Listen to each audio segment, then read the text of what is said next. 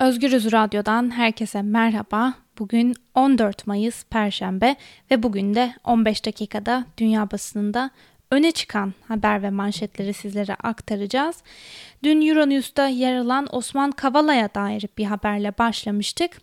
Son gelişmeyi de sizlere aktaralım.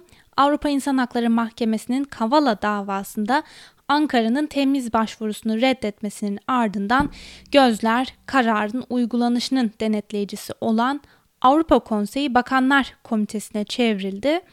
Deutsche Welle'de yer alan habere göre ihlalin ortadan kalkması için Kavala'nın derhal serbest bırakılması istenmişti ve delegeler şimdi Ankara'dan bu kararı uygulamasını isteyecekler.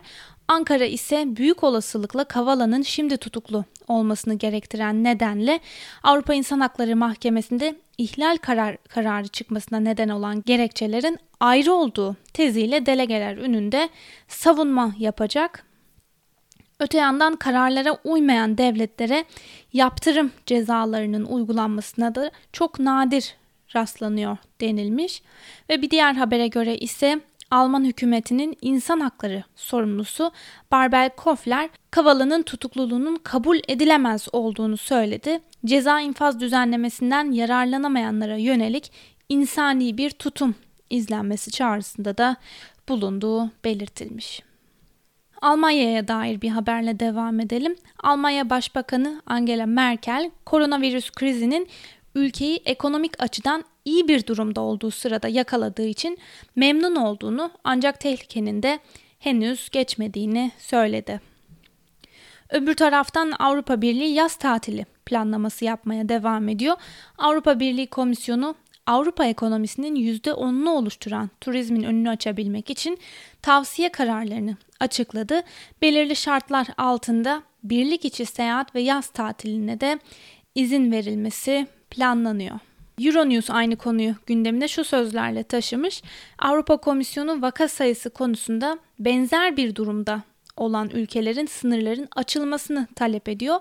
Böylece aynı bölgede bulunan ülke vatandaşlarının iş veya gezi amaçlı seyahat edebilmesi de öngörülüyor. Komisyon turizm sektörünün yeniden canlandırılması için hastanelerinde buna hazır olması gerektiğini duyurdu.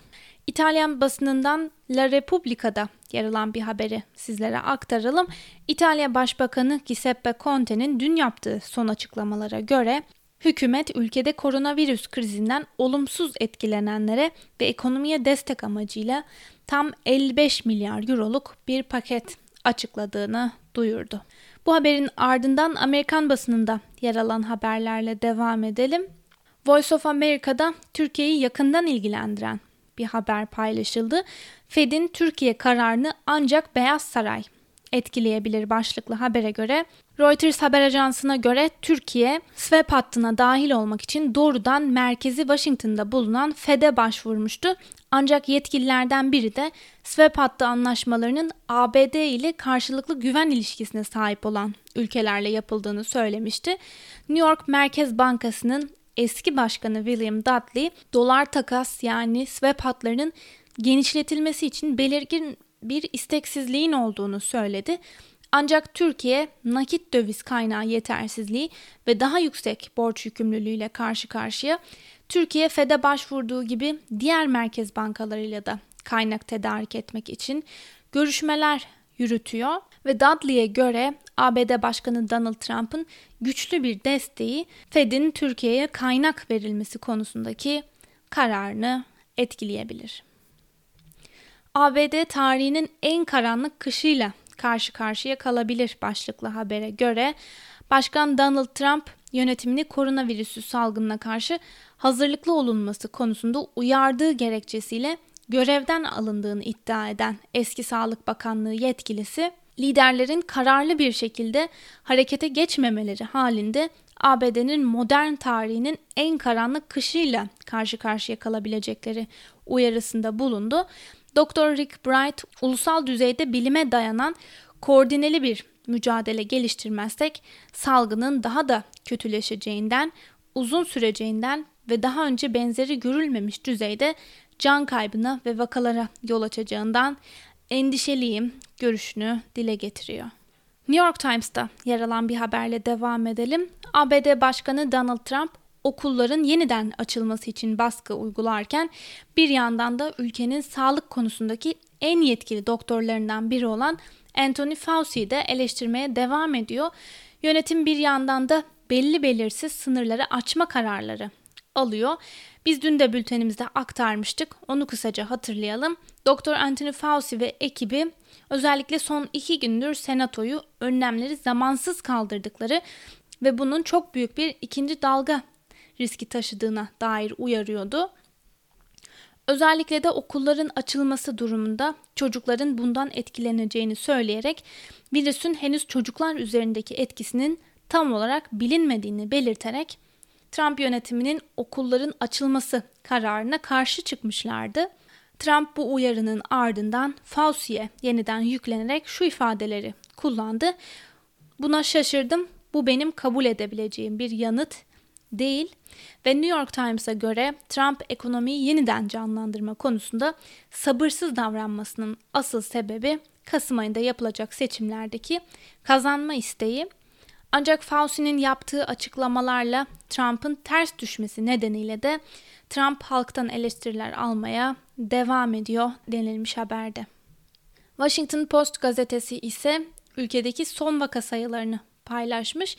John Hopkins Üniversitesi'nin en güncel verilerine göre ülkede şu ana kadar en az 1 milyon 384 bin vaka tespit edildi ve en az 83 bin kişi de hayatını kaybetti. İngiliz basınında yer alan haberlere de kısaca göz atalım. The Guardian İngiliz konseyi %20 oranında kesinti yapmaktan korkuyor başlıklı bir haberle öne çıkmış. Ve habere göre konsey yerel hükümetin sosyal yardım alanındaki para desteğinde 3.5 milyar poundluk bir kesintinin olabileceği ihtimali üzerinde duruyor. Öte yandan Yerel Yönetimler Derneği Başkanı ve Bedfordshire Konseyi'nin muhafazakar lideri James Jameson, konseylerin bu yıl krizle başa çıkmak için yaklaşık 13 milyar pound maliyetle karşı karşıya kalacaklarını tahmin ettiklerini açıkladı ve Labour'ın analizine göre ülkede bulunan 225 yetişkin bakım evinin 178'i risk altındaki yetişkinler için uzun süreli kalmak zorunda kalabilecekleri bir merkez haline gelebilir. Independent'ta yer alan birkaç haberi de sizlere aktaralım. Dünya Sağlık Örgütü Acil Durumlar Programı Direktörü Mike Ryan, yeni tip koronavirüsün tıpkı HIV gibi kalıcı olabileceği uyarısında bulunarak bu virüs toplumlarımızda endemik olarak kalabilir ifadelerini kullandı.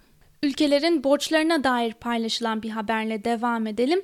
Dünya genelinde 300'den fazla parlamenter koronavirüs pandemisi nedeniyle Uluslararası Para Fonu, IMF ve Dünya Bankası'ndan en yoksul ülkelerin borçlarını silmesini talep etti.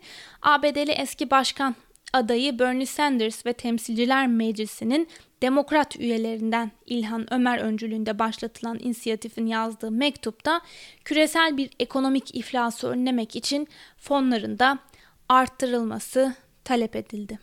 Çin'e dair bir haberle devam edelim.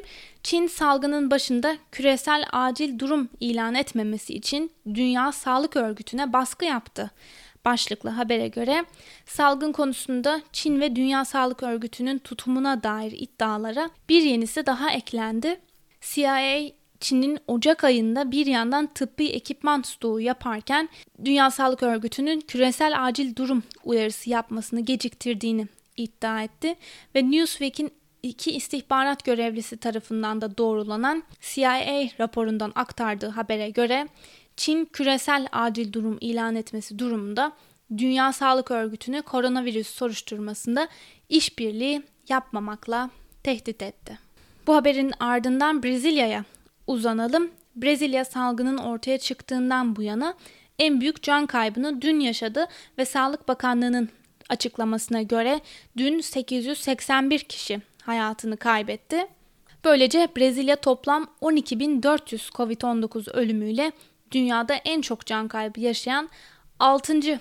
ülke haline geldi. Üstelik uzmanlar Brezilya'da salgının önümüzdeki haftalarda daha da hız kazanacağını tahmin ediyorlar.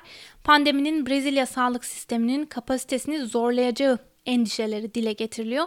Fakat ülkenin aşırı sağcı devlet başkanı Bolsonaro defalarca koronavirüs tehdidinin korkulduğu kadar büyük olmadığını söyledi ve sıkı önlemler alan eyalet valilerini ve belediye başkanlarını da eleştirmeye devam ediyor denmiş haberde.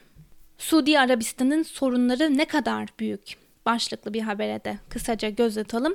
Frank Gardner imzalı özellikle de Orta Doğu'daki politikalara ve gelişmelere ışık tutan önemli bir haberin satır başlarını sizlere aktaralım. Bir zamanlar hiç vergi koymamasıyla meşhur olan Suudi Arabistan katma değer vergisini yani KDV'yi %5'ten %15'e çıkarttığını ve gelecek aydan itibaren de geçim yardımının iptal edileceğini duyurdu. Bu kararlar küresel petrol fiyatlarının geçen yıla kıyasla yarıdan aza düşmesini, hükümetin gelirlerinin %22 oranında azalmasını ve büyük petrol projelerinin şimdilik rafa kaldırılmasını izliyor. Devlet petrol şirketi Suudi Aramco büyük ölçüde ham petrol fiyatlarının çökmesi nedeniyle yılın ilk çeyreğinde net karında %25 oranında bir azalma olduğunu da açıklamıştı denmiş yazıda. Ve son olarak Rus basınından Moscow Times'ta yer alan bir habere de göz atalım. Rus yetkililerin açıklamalarına dayandırılan bir habere göre ülkede koronavirüs tedavisi görüp hayatını kaybeden hastaların %60'ı koronadan hayatını kaybeden kişilerin sayısına eklenmiyor. Yetkililerin son paylaştığı verilere göre ülkede çarşamba günü itibariyle tanımlı vaka sayısı 126.232 idi. Ancak bu orana kıyasla son bir günde hayatını kaybedenlerin sayısı yalnızca 1232 idi. Uzmanlar uzun süredir bu oranların doğru olmayabileceği konusunda endişeli ve bir süredir ülkede resmi rakamların açıklanmadığına dair eleştiriler vardı. Moscow Times, New York Times gazetesinin haftalar önce yaptığı gibi önceki yılların Nisan ayındaki ölüm oranlarını kıyaslayarak bu yıl 2020 Nisan ayında ortalamanın çok üstünde insanın öldüğünü tespit etti. Bunların da koronavirüs sebebiyle hayatlarını kaybetmiş olabileceği ancak resmi rakamlara da yansıtılmadığı düşünülüyor. Bu gelişmenin ardından Rusya Sağlık Bakanlığı dün yeni bir açıklama yaptı ve bu iddiaları yalanlayarak doğru rakamı açıkladıklarını söyledi denmiş haberde. Sevgili Özgürüz Radyo dinleyicileri bu haberle birlikte bugünkü programımızın da sonuna geldik. Yarın aynı saatte görüşmek dileğiyle. Hoşçakalın.